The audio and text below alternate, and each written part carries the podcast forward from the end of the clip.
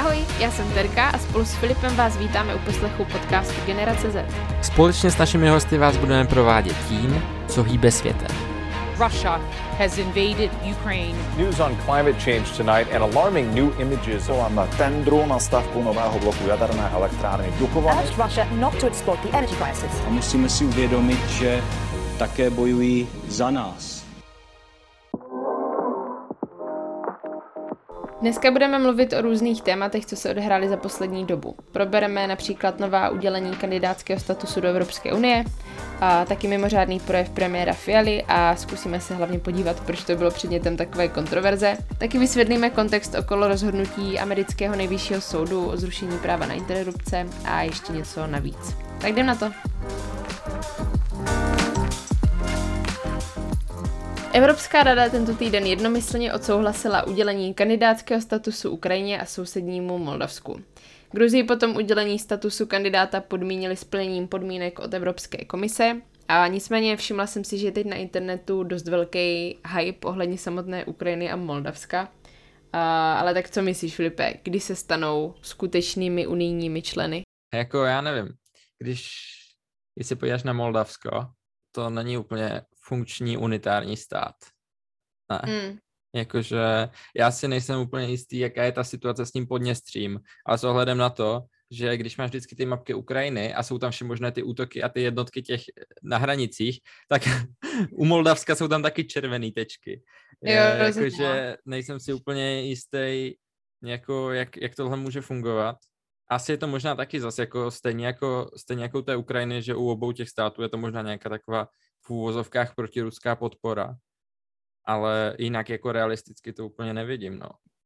Určitě no. A já si, já si myslím klidně i v rámci toho celého mechanismu, o, v rámci té cesty od toho, kdy se ta země stane kandidátskou zemí versus kdy se stane opravdovým členem Unie, mm. je ještě fakt jako mega dlouhá cesta, protože obecně mně přijde, že fakt jako velký hype kolem toho celého, že wow, Ukrajina dostala kandidátský status, což je asi relevantní eh, v rám, jako vzhledem k těm všem podmínkám, ale ten, ten status je hlavně jako symbolický a nemá Určitě. žádný jako legislativní eh, ani prostě žádnou praktickou rovinu, takže mm. to mi přišlo docela zajímavý, že Určitě. každý to tak jako oslavuje. jako, tak nej, nejde se tomu jako divit, že, že se to oslavuje, tak nějaký jako politický a diplomatický úspěch to je určitě. Ale hmm. přijde mi paradoxně třeba, že ta Ukrajina realisticky ve výsledku může z toho být mnohem silněji nakonec, než třeba některý stávající členský země EU, jako třeba Rumunsko. Že uh, mám takový pocit, nebo už se to docela i řešilo jako nějaký Marshallův plán pro Ukrajinu a podobné věci, že už teďka do té Ukrajiny jako putuje jako spousta jako prostředků a hmm. dá se očekávat, že až snad brzy jako ta válka skončí, takže Ukrajina dostane další jako masivní zahraniční pomoc a ta infrastruktura a, a všechno pravděpodobně jako půjde hodně nahoru, ti lidi jsou, nebo mi aspoň připadají jako namotivovaní, jako znovu postavit Ukrajinu na nohy a tak dál. Mm-hmm. A těžko říct, no, jestli se tam bude důležitý určitě to, aby Ukrajina neskončila zase v, tém, v tom marazmu korupce a všeho možného, co se tam, co se tam asi dělo dost dlouho v, tom, v té postsovětské éře a co se zřejmě děje právě třeba v tom Rumunsku. Určitě. Takže, ale tohle mi přijde zajímavý. Jo, já myslím, že tohle byla vyloženě jedna i z těch podmínek nebo z těch kritérií, bo vlastně když země dostane kandidátský status, tak uh, prostě fakt jí zbývá třeba ještě jako několik let, pro Česko to bylo třeba 8,5 roku, myslím, než se stala jako zemí Evropské unie Turecko, to bylo možná 10, když tam je to teď jako irrelevantní kvůli tomu prezidentovi.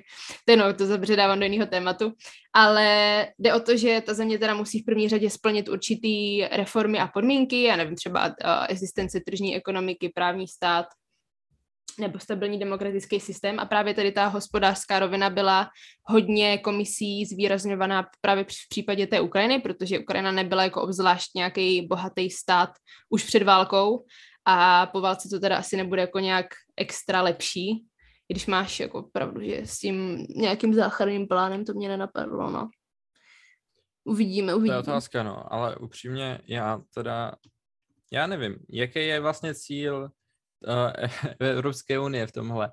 Uh, ve smyslu, ve smyslu právě toho, kam až jako chceme, chceme tu Evropskou unii jako roztáhnout, když to tak řeknu. Třeba to Hmm. Turecko mi přijde jako geograficky i kulturně už jakože docela, docela hodně mimo. Já třeba dlouhodobě jsem trošku confused, když máš mistrovství Evropy v čemkoliv a máš tam prostě Izrael, já nevím, Egypt, no, Egypt možná ne ještě, ale prostě Izrael, Turecko, jako dobře, no, Istanbul je sice jako částečně v Evropě, ale furt, jako, nevím, no, přijde mi to takový Hmm.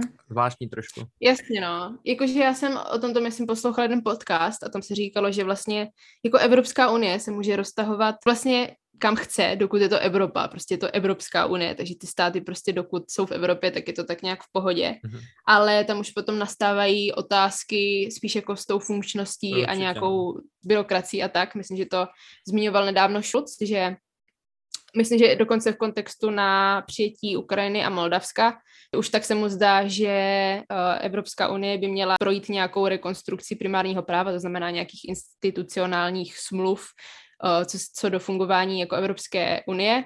Konkrétně například eh, v hlasování se zahraničně politickými otázkami, protože aktuálně myslím je to, že na tady těch otázkách se země musí s, nějak zhodnout jednohlasně. On by chtěl, aby to byla jenom jako kvalifikovaná většina, aby v případě třeba, že jedna země s tím nesouhlasí, aby prostě neměla jako vyloženě jako to právo veta. A je tam hodně takových jako strukturálních problémů, že prostě přijetí dalších zemí by tohle všechno mohlo dost komplikovat. Mhm. To byl jako je, jeden z jeho názorů, no. To je právě jako, ale celkově jako problém tady toho, když máš spoustu států, které mají často jako protichůdný zájmy ve výsledku, což je prostě přirozený, protože vidíme to třeba, že v té energetice, vidíme to v zemědělství, kdy Francie si prosazuje svoje věci, svoje dotace do zemědělství, zatímco jiný státy mají zas jinak postavenou ekonomiku a chtějí podporovat zase jiný sektory třeba. Takže Hmm. to je pak otázka, co, co s tímhle vlastně, vlastně dělat, ale to bychom tu asi byli do zítřka, kdybychom, ne, nejen do zítřka, to bychom tu byli Mhm. hodně dlouho, kdybychom se tohle snažili vyřešit.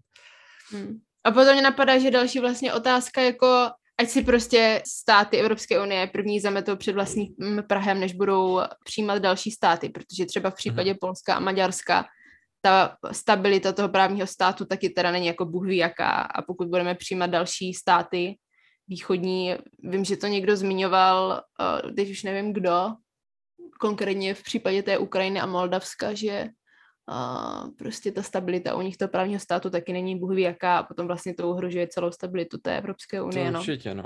Ale hm, bohužel to není jenom v politické rovině ta nestabilita, ale vidíme to teďka v té ekonomické rovině, kdy jako eurozóna eh, nemůže, nemůže Evropská centrální banka zvýšit úrokové sazby, aniž by prostě vystavila eh, několik států prostě riziku, riziku bankrotu, což je prostě Hmm. pro nás naštěstí nepředstavitelný svým způsobem, když dokud máme korunu a relativně nízký zadru, zadlužení, ale tak je to otázka, že prostě nějaký ty základní pravidla se tam nedodržovaly a, a důsledek je tenhle, stejně je to i u toho právního státu, řekněme asi, taky to Hmm. bylo postupné ukusování nějakých těch principů, který ve výsledku mají za následek celkovou erozi toho společenství, nebo můžou mít. Určitě, no. A přesně tohle, co zmiňuješ, byly jedny z těch hlavních podmínek, který Evropská komise právě udělila Ukrajině, co by jako nové kandidátské zemi. Předtím, než se vlastně stane plnohodnotným členem, tak musí vyřešit svoje uh, nedostatky v otázkách právního státu, nebo například právě boje s korupcí, nebo ať už ta zmiňovaná hospodářská oblast, která asi bude ještě zhoršená po té válce, no. Nicméně, aby jsme se trochu vrátili teda k tomu přijetí Ukrajiny nebo Moldavska, co by země EU, tak bych chtěla ještě zmínit ty kroky, co jsou potřeba uh, k tomu, aby se tak stalo. Takže už jsme říkali, že ta nová kandidátská země nej, nejdřív musí teda splnit řadu reform a podmínek. Samozřejmě za detailního screeningu Evropské komise, a, která relativně často čekuje, jestli, jestli to ta která země dodržuje, to, co přislíbila. Jakmile ty reformy jsou u konce, u té dané země, tak dalším krokem je jednomyslný souhlas všech 27 členských států a potom teprve jsou zahájena ta přístupová jednání, ale ani to ještě nemusí vlastně končit vstupem země do Unie, a přesto je to jako docela významný krok už v tom celém procesu. No. Pak je tady otázka teda, jak dlouho to skutečně může trvat, než se například ta Ukrajina dostane do Evropské unie, protože zase jsem četla jeden názor, že vlastně dokud neskončí válka, tak to není možný, protože Evropská unie nemůže přijmout zemi ve válečném stavu. To by vlastně znamenalo, že ve válečném stavu je celá Evropská unie, takže se odhaduje, že to bude trvat třeba nějakých 10-15 let. Mm. Dokonce myslím Macron zmínil, že to je dvojciferný číslo určitě. Vážení spoluobčané, je tomu půl roku, když jsem před vás poprvé předstoupil jako předseda vlády České republiky. Ve svém novoročním projevu jsem varoval před tím, že nás čeká velice složitý rok. Slyšel jsi ten projev Fialův celý? Celý jsem ho slyšel, no. Uh, ex post až teda, ale zajímavý, no. Jako nejdřív vtipný je, nebo je to taková zajímavá perspektiva, když nejdřív vidíš reakce na sociálních sítích na něco, co jsi neslyšel, a pak si to pustíš. Jakože jdeš do toho, že jo, s nějakýma teda už nějakýma předsudkama, řekněme, nebo nějakou už částečně udělaným názorem, nebo, nebo víš, co o tom řekl tenhle, víš, hmm. co o tom řekl tenhle, tak si říkáš, no tak co to bude. Reálně uh, já jsem z těch sociálních sítí nabil původně dojem, že to nebyla úplně žádná sláva, že jako z toho, jako, že to nemělo úplně parametry nějakého jako mimořádného projevu, nebo že to sdělení nebylo mm, v tomhle nějak jako důležitý, až tak, aby to získalo, získalo takovouhle jako nálepku. Uh, já jsem hodně četla kritiku, že se to dalo říct na nějaké tiskové konferenci. Určitě, a... no, to jsem, to jsem taky zaznamenal. Na druhou stranu je otázka, uh, nevím, no, mně to přišlo jako z pohledu třeba člověka, který fakt těžce třeba uh, teďka prožívá tu aktuální situaci, ať už třeba z ekonomických nebo z, z jiných vlastně perspektiv, tak uh, že ta message byla docela relevantní a, a že to neslo, neslo určitou jako pozitivní vidinu toho, že bude líp svým způsobem. Už to jednou bylo, že bude líp. Což už, už líp bylo. Uh, a víme, jak, jak jsme na tom teďka po tom, co už líp mm-hmm. bylo. No. Ale nevím, no, přišlo mi to, že to, jako bál jsem se, že to bude horší, když jsem si to pouštěl, tak bych to Určitě. řekl že to bude jako větší tragédie. Já teda jenom pro posluchače zhrnu, o co teda šlo v tom, v tom projevu. Mm-hmm, určitě. Za prvé teda Fiala hodně mluvil o energetické suverenitě, které chce teda dosáhnout do pěti let, uh, přičemž chce, aby prioritou bylo pro Česko jádro, a podporu bude pak mít fotovoltaika a tepelná čerpadla. Takový totálně že to mluvím zrovna jako hlavní bod, to nevadí. A... Tak jako ono, možná na to pak navážeme nějakou další specializovanou epizodou, ale ta, ta soběstačnost a ta nějaká třeba mm. Energetická nezávislost i na úrovni samostatných domácností právě prostřednictvím třeba těch solárních panelů nebo tepelných čerpadel je poměrně aktuální Určitě, téma, to zaujalo. Asi hrál na tuhle mm. strunu. Přesně no. Potom uh, taky mluvil o zabezpečení dostatku plynu na zimu do zásobníků uh, a taky o, mluvil o pomoci lidem a firmám, uh, aby zvládli cenový šok v souvislosti s, těma, s těmi energiemi, který, uh, který se mají ještě zintenzivnit, ty ceny v, dalším, v dalších měsících. Takže to byly takové tři hlavní věci, o kterých jo. mluvil. A taky zmínil, to se mě hodně líbilo, ta pozitivní retorika v tom smyslu, že Česko patří na západ a ne k Rusku. Uh, přijde mně, že něco takového jsme tady asi dřív jako ještě neměli. Mluvil uh-huh. o ostřihnutí se uh, od Ruska, taky jsem se potom dívala, že podle Eurostatu snad jsme, nebo jako 100% plynu do Česka je dováženo z Ruska, ještě spolu s Lotyšskem a potom po nás je nejzápadnější Slovensko a Maďarsko, což je docela fakt jako síla. To a to myslím teda taky z, uh, zmiňoval v tom projevu. Zmiňoval to, no, to, tu redukci toho norského plynu, která proběhla za, té minulé, za těch minulých hmm. vlád. A to, co jsem mu třeba vyčítalo, nebo to, co jsem zaznamenal, krom toho teda, že to mohla být jako normální tiskovka, mm-hmm tak eh, další, další věc, co jsem znamenal jako výtku, tak bylo uh, to, že tam párkrát bylo takový kopnutí do té předchozí vlády. Určitě, právě. taky jsem si to napsala. Uh, že to, to právě bylo, dost lidí to vytýkalo jakožto určitý jako redukci toho, té stát, státečnosti nebo nějaké té úrovně toho projevu, řekněme. Určitě, no. Jo, jo, jakože taky, mě, taky, taky jsem nad tím přemýšlela, že jestli Trošku to tam bylo, to, jako bylo to z toho cítit, jo, že tam bylo jako cíleně jo. daný, aby tam byl nějaký mm. kontrast.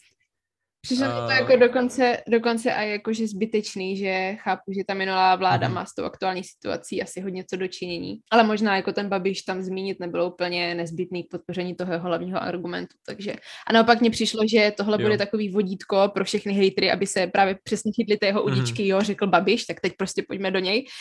Protože kopy zase do minulé vlády a jako jo, tak tohle bylo tak možná jediný, no. Jo, jako je otázka, jak to mají spočítaný, že jo, čekají nás volby, ať už, ať už komunální nebo prezidentský, takže nevím, nevím, jak to mají spočítaný. Na druhou stranu mi teďka přijde, to jsem, to jsem uh, taky zaznamenal, že uh, kritiku naopak Babiše v úvozovkách, že jediný program ANO je antifiala teďka. Tak to mi přišlo takový vtipný, že, že se tak nějak prohodili Mhm. hoši, ale těžko říct, no jako ne, nevím, mně ANO nikdy nepřišlo, že mělo nějak extra konstruktivní politiku, Ano. takže jsem úplně nějakou radikální změnu ne- nezaznamenal. Já se teda přiznám, To že, že to moje- vůbec jako nesleduju, nebo jako v rámci mojí bubliny ani jako vůbec nevidím ano, nebo Babiše vůbec nějak ne, Právě, nepozoruju, no. ale fakt jako co jsem dřív zaznamenala, tak to úplně nebylo konstruktivní vedení těch kampaní, no. Jo, ale tak třeba, třeba nás to ještě vyvede z omylu, uvidíme, s čím přijdou. Uvidíme, uvidíme. jestli se máme na co Ano, těšit, jestli že? přijdou něčím. prezidentských voleb. aby nás oslovili, Mhm. ano, aby oslovili i mladé voliče. Hmm. Já jsem teda ještě v rámci té kritiky jsem se trošku dívala po internetu a docela mě pobavilo článek eh, deníku Mhm. N. Jmenoval se Pointa N, jak Petr Fiala nepochopil, co Čechy nejvíc trápí a začíná větou Premiér Petr Fiala pronesl včera večer mimořádný projev k národu, na němž bylo mimořádné především to, jak mocně předseda vlády dokáže gestikulovat rukama. Takže jo, jakože musím se teda přiznat taky, že když, um, když bylo oznámení o mimořádném projevu, tak jsem spíš čekala, a bylo to ještě v kontextu toho, že zmiňovali, že to bude k aktuální politické Mhm. situaci, tak jsem si myslela, jo, dobrý, tak třeba se chce jako uh, projevit k té kauze třeba kolem Petra Hlubučka nebo něco takového a, a Upřímně on to mi přišlo možná pomalu jako méně meaningful než, než uh, ten, ten aktuální projev. Jakože podle mě tohle zajímá možná lidi v Praze, mi přijde, nebo jako OK, Jo, jo. rezignuje ministr, Drama. ministr školství, ale za A, koho zajímá ministr školství? Hm. Moc lidí ne. A koho Mhm. zajímají pr- pražský magistrát, ani, ani, ani v Pražáky to nezajímá většinou, takže prostě upřímně tohle pravdu. přišlo, přišlo by i jako globálně relevantnější téma minimálně to. Otázka, jak to podal i věc druhá.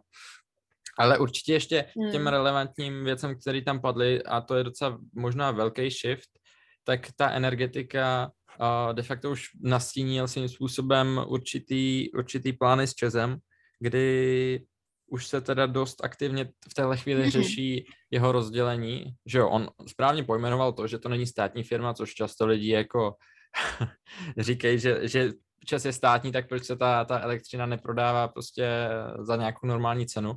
Ale Čes, Čes je normální akciovka, kde má 70% podíl stát a on nemůže jen tak, jen tak si tam dělat úplně, co chce. Ale to, co vlastně ten Fiala tak nějak částečně nastínil, je právě nějaký to rozdělení toho Česu a s tím asi bude pak spojený i vytěsnění minoritních akcionářů. Takže to je tak nějak asi postupný krok k úplnému jako zestátnění minimálně té, té výrobní části Česu, která se podílí právě na té produkci té elektřiny. A další věci, co jsou na to navázané, je právě výstavba jaderného bloku a další věci, které v moment, kdyby stát byl, eh, pardon, kdyby Čes byl státní, tak by se mohly výrazně možná, možná zesnadnit tímto, tímhle krokem. Takže to ještě Jo, další je věc mě napadla k tomu. ještě teda jako mimo ten čas možná trošku, tak se mi docela líbilo, že vlastně Škoda JS je už Mhm. znovu česká. To jsem třeba vůbec jako nečekala takový krok a to mě Jo. docela milo, milo překvapilo. Jo, jako každopádně cokoliv, co se z ruských rukou vrátí zpět do českých rukou, je v této chvíli asi pozitivní, včetně třeba, uh, že jo, trošku děsivý bylo to, že Čes odebíral snad veškerý jaderný palivo z Ruska, Určitě. takže, což možná pořád dělá, ale aspoň má už nějakou zásobu zřejmě, takže myslím Mm. na pár let už to má, takže úplně nás, nás snad nevyhladoví v krátké době, ale Určitě to byla dost věc, kterou tam taky zdůrazňoval ten eh, Fiala, právě ta nezávislost na tom uh, přímo autoritativním režimu, který má tendence, tendence používat tady zbraně, ať už taky zmiňoval eh, ta rizika související s nedostatkem potravin a nějakou migrací a, a další věci, které na to můžou být navázané. Takže tohle tam taky bylo pojmenované, což, což asi dávalo smysl. Rusko se netají tím, že chce oslabit demokratické země, způsobit jim ekonomické obtíže, podnítit sociální problémy, narušit důvěru lidí ve stát a způsobit celkovou politickou nestabilitu. Jinými slovy, Rusko nás chce učinit slabými a tedy vydíratelnými.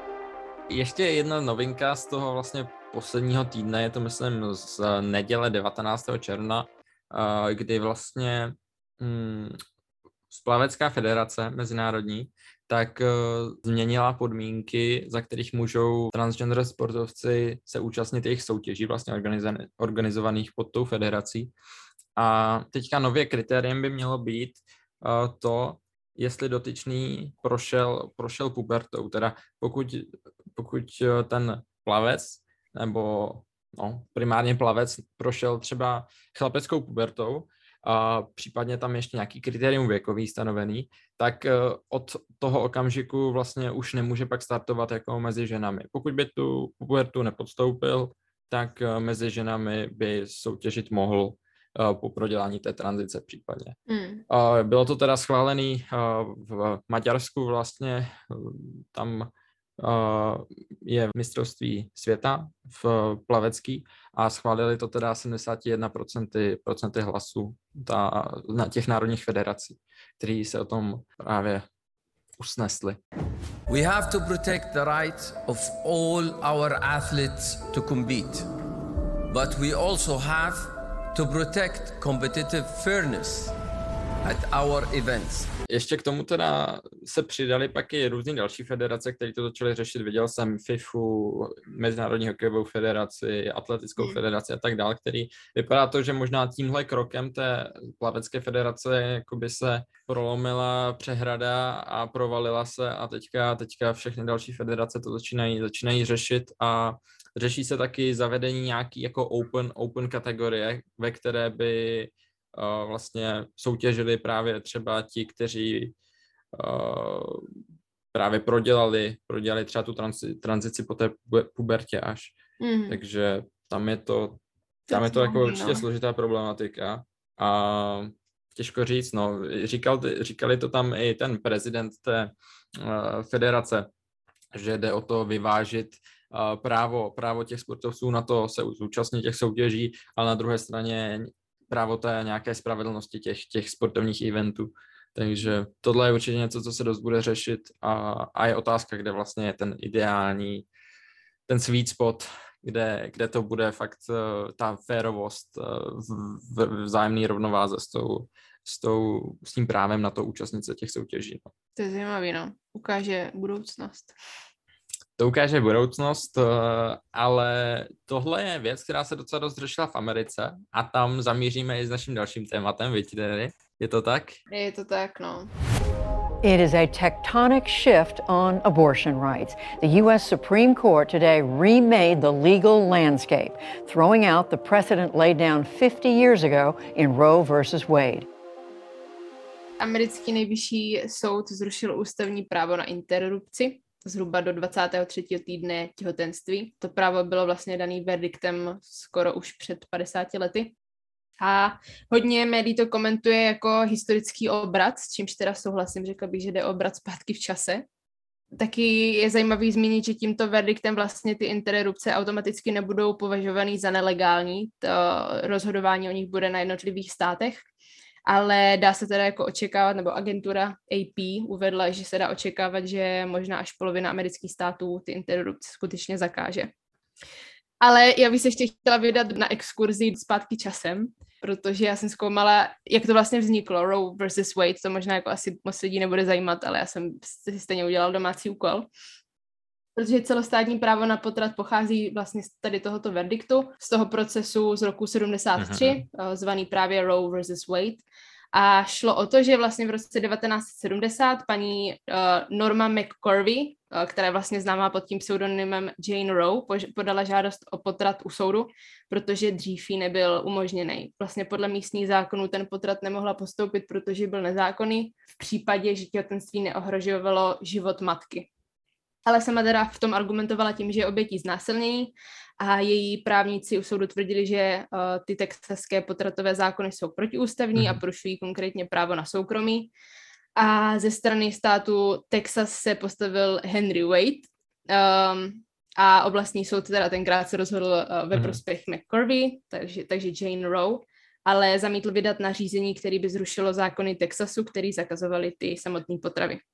Takže nakonec obě strany se tak dlouho odvolávaly, až došel na řadu nejvyšší soud Spojených států, který nakonec rozhodl ve prospěch McCorvey uh, poměrem hlasů 7 ku 2. A v současné době teda se zrušením práva v devítičlenném soudu nesouhlasili tři liberální soudci. Six conservative justices on the Supreme Court handed down a decision that eliminates 50 years of abortion protections in America. They essentially said that the Constitution makes no express reference to the right to abortion, and therefore it's the Supreme Court's overstepping of states' rights to allow abortion to be protected. Přesto se dá vlastně říct, že soud rozhodl v rozporu s vůlí většiny Američanů, kteří vlastně podle průzkumu jsem četla, uh, si přejí, aby ten verdikt zůstal v platnosti. Takže vlastně to dá se říct trochu antidemokratický, no. Ale jako zas, víš co, soudy nerozhodují podle toho, to by byly lidový soudy, kdyby to rozhodovali podle, podle vůle lidu.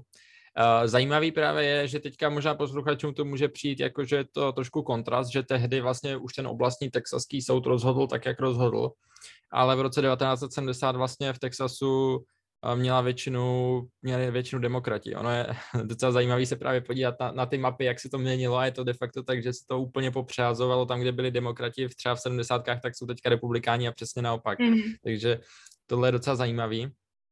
Ale určitě, no. Vycházíme tady z toho amerického systému právního, který je odlišný od toho českého.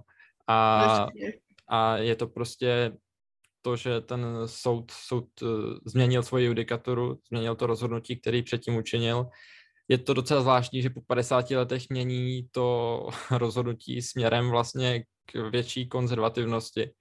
A je to, je to asi bez pochyby důsledek toho, co, co, s tím, co s tím soudem udělal, udělal Donald Trump svým způsobem. To máš pravdu, no já jsem se vlastně na to dívala, proč se to řeší zrovna teď a mm, jsou teda k tomu jako dva takový hlavní důvody. Jeden je, že teda k nejvyššímu soudu se dostal jeden zákon z Mississippi, kde se za, zakazuje lékařům poskytovat potraty nějak po 15. týdnu těhotenství, což je primárně v rozporu s tím ustanoveným precedentem z roku 73 a proto byla teda potřeba, aby ten zákon posoudil i soud. A ten druhý důvod si vlastně už trochu zmínil, že bývalý americký prezident Trump společně s republikánskou většinou v Senátu nominoval tři soudce nejvyššího soudu, kteří byli hodně silně konzervativní a ukázalo se, že konzervativní státy začaly vytvářet zákony, které si jsou dost podobný a jdou jednoznačně proti tomu precedentu Roe versus Wade. Mm. A proto musel nejvyšší soud zhodnotit, jak, jak tento, jestli je ten precedent ještě platný a jestli má platit dál. A zaujal mě jeden konkrétní zákon, který prošel loni například v Texasu. Jmenuje se Texas Heartbeat Act a představuje vlastně soubor mechanismů, jako třeba odměnu pro ty, kteří budou nahlašovat a udávat kliniky a lékaře. Takže to je přišlo docela krutý, no. To uh, taky zajímavé. ten zákon teda neumožňuje potrat ani v případě incestu nebo znásilnění. Uh, takže ono, t- um, vlastně Mississippi a Texas, dá se říct, že byly takový předvoj toho, jak se republikáni snažili Roe versus Wade zrušit. Jo, jako tenhle systém jmenování soudců na základě toho, kdy umřou, respektive jejich doživotní mandát, je prostě svým způsobem bizar, protože pak, pak se kalkuluje s tím, kdy jaký soudce umře a jakou, jakou vlastně koho tam hmm. dosadit a jestli v tvým mandátu umřou tři soudci a ty tam budeš moc tři dosadit, to je prostě je to, je to trošku zvláštní, no a z naší perspektivy docela nepředstavitelný, naštěstí bych řekl. Určitě.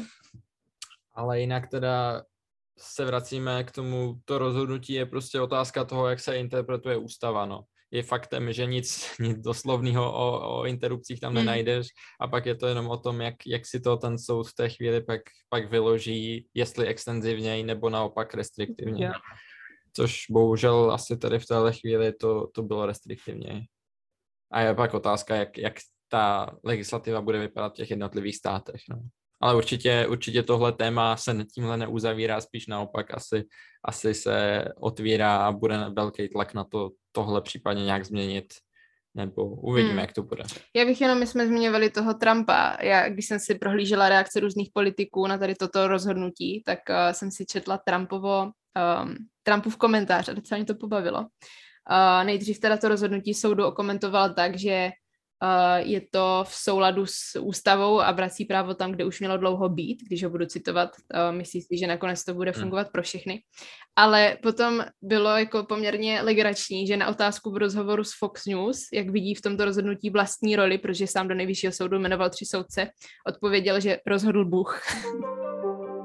The justices that I'm going to appoint will be pro life. They will have a conservative bent. Uh, they will be protecting the Second Amendment. Ještě bych chtěla zavřenout do několika čísel. Určitě, pojď. Já si potrvím na ty, na ty anekdoty a na ty čísla. Super. Uh, takže podle článku v New York Times se dá očekávat, že zhruba 20 amerických států, kde žije přes 26 milionů žen v produktivním věku, interrupce nakonec povolí. To jsou státy zejména na severovýchodě a na západním pobřeží. Ale naopak 20 států na jihu Spojených států a ve vnitrozemí potraty mají zakázat. A v nich je něco přes 25 milionů žen v produktivním věku. Takže 25 milionů žen v produktivním věku nebudou mít přístup k interrupcím. A u dalších deseti států z 12 miliony žen uh, si to ještě neví, jaká legislativa se tam Aha. zvolí. Uh, nevím, prostě jenom pro, pro představu, jaký ty čísla jsou, kolik lidí reálně přijde o tak základní právo rozhodovat o svém tělu. Takže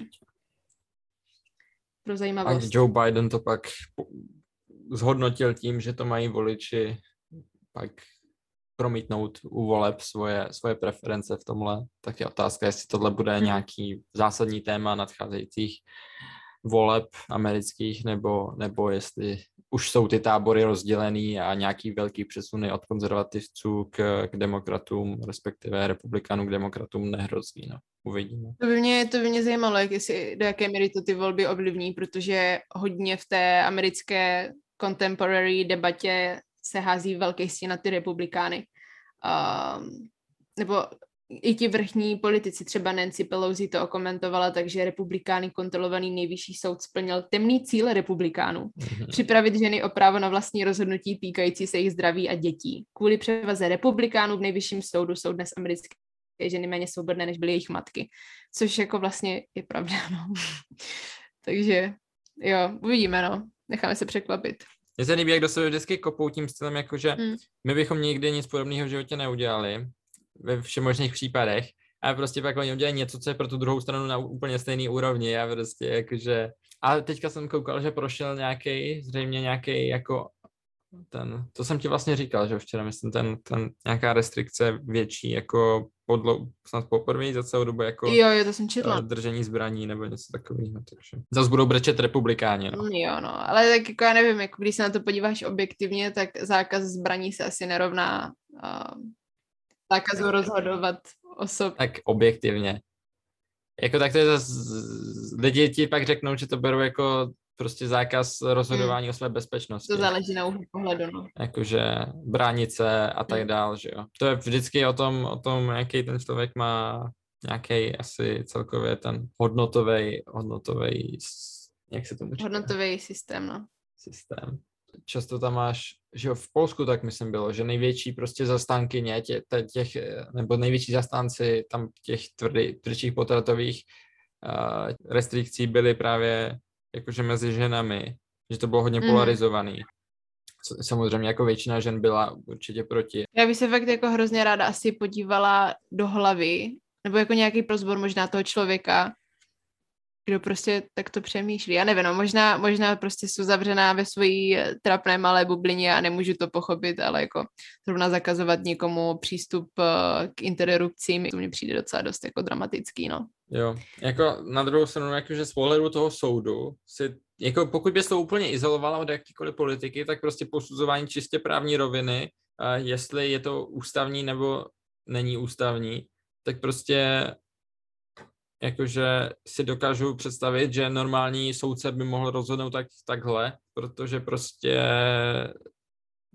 by to tam nebylo vyargumentovatelné na základě ústavy. Mm. Ten Biden i říkal, že jakože cesta, cesta k tomu bude vést přes nějaký federální zákon, že jo, zase.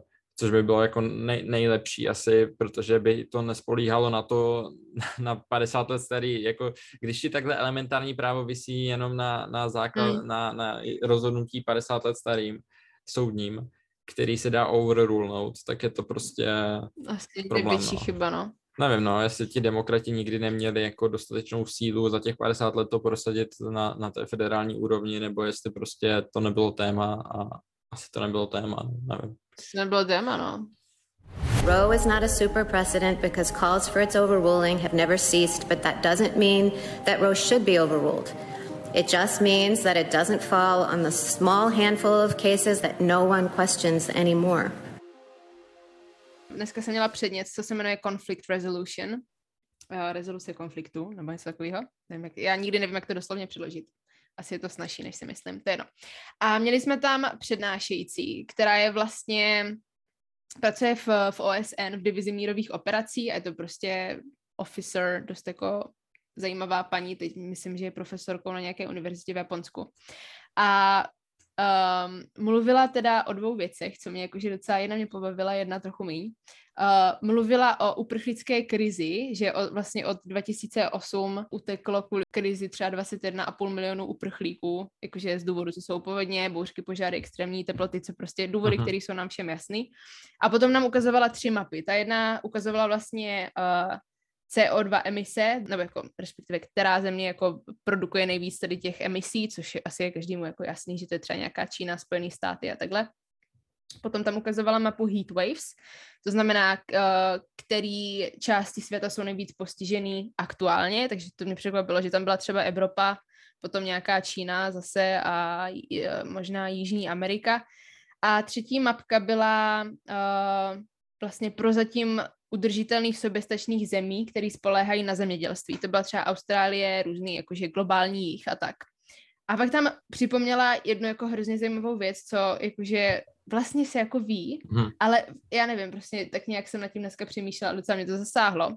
Vlastně mluvila o tom, že pokud překročíme ty dva stupně Celsia, té globální teploty země, tak do 25 let, do nějakého roku 2050, což nám bude, já nevím, 45 nebo 50 nám bude v té době, tak eh, z těchto zemí, z té třetí mapky, z těch soběstačných a zemědělsky udržitelných zemí, bude migrovat zhruba jedna miliarda lidí. Taková zajímavost, co mě prostě dneska zaujala, no.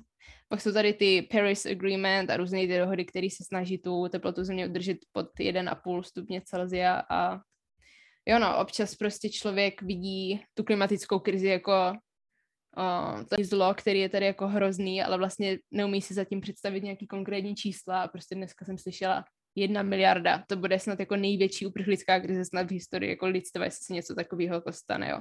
To každopádně, no. A pak se mezi tím zapínají uhelné elektrárny. Tak, tak, tak. Protože se předtím vypínaly jaderné elektrárny. Je, no jo, no. Meanwhile, Evropa prostě rocks. Evropa si jede svoje, no. A ještě další věc, co říkala, to bylo trošku jako odlehčenější, nebo vtipný, ale vlastně taky nemoc vtipný, že za poslední roky uh, Organizace spojených národů je ve jako docela ve velké finanční krizi. Ona o tom mluvila, co by z pohledu zaměstnance uh, vlastně v New Yorku.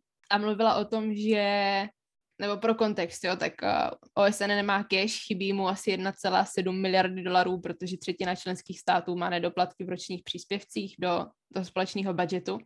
A to teda vedlo jednak k tomu, že nemůžou obsadit prázdné pozice.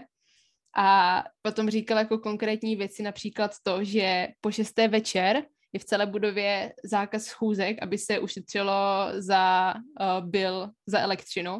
A nebo taky to, že um, v New Yorku v tom headquarters, jak se tomu říká, ta, to hlavní sílo OSN, tak tam mají nějakou fontánu na tom náměstíčku mezi těma vlajkama, taková ta velkolepá.